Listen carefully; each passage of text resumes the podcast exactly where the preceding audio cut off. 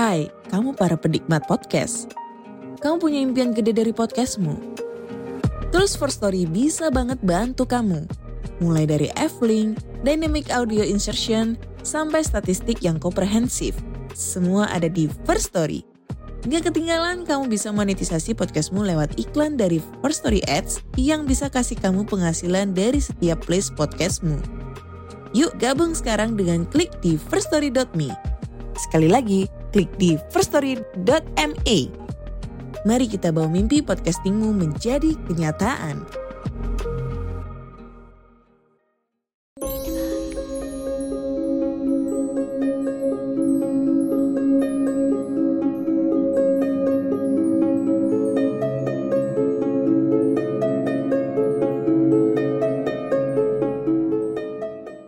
Selamat malam pendengar Rumah Horor Indonesia.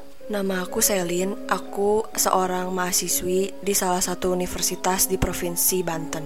Hari ini aku ingin menceritakan tentang pengalaman mistis aku di bulan ini Desember tahun 2022. Pengalaman mistis aku ini aku alami di asrama putri yang aku tempati. Pada saat itu aku sedang bersama dengan temanku, sebut saja namanya Livia, kami berdua sedang berada di ruang belajar asrama. Ruang belajar itu kira-kira berukuran 10 kali 8 meter. Singkat cerita, aku dan Livia sudah belajar selama sekitar 6 jam di ruangan itu. Pada saat itu, Livia bilang ke aku dia mau duluan karena sudah selesai mengerjakan tugasnya di LMS. LMS itu yang kayak Moodle atau Google Classroom. Jadi sekarang tinggal aku sendiri di ruangan ini. Setelah 30 menit berlalu dan aku selesai mengerjakan tugasku, aku memutuskan untuk kembali lagi ke kamarku. Aku pun membereskan kembali barang-barangku seperti laptop, tas, dan chargeran. Saat baru berjalan beberapa langkah, aku menyadari bahwa aku belum mematikan kipas angin. Di asrama kami terdapat peraturan di mana ketika meninggalkan ruangan, lampu dan kipas angin harus kembali dalam kondisi mati. Posisi kipas anginnya itu berada di langit-langit dan saklarnya itu berada di sebelah jendela.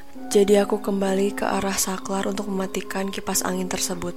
Baru beberapa langkah setelah aku mematikan kipas angin tersebut, aku mendengar dengan jelas bisikan di kedua telingaku yang memanggil, Selin.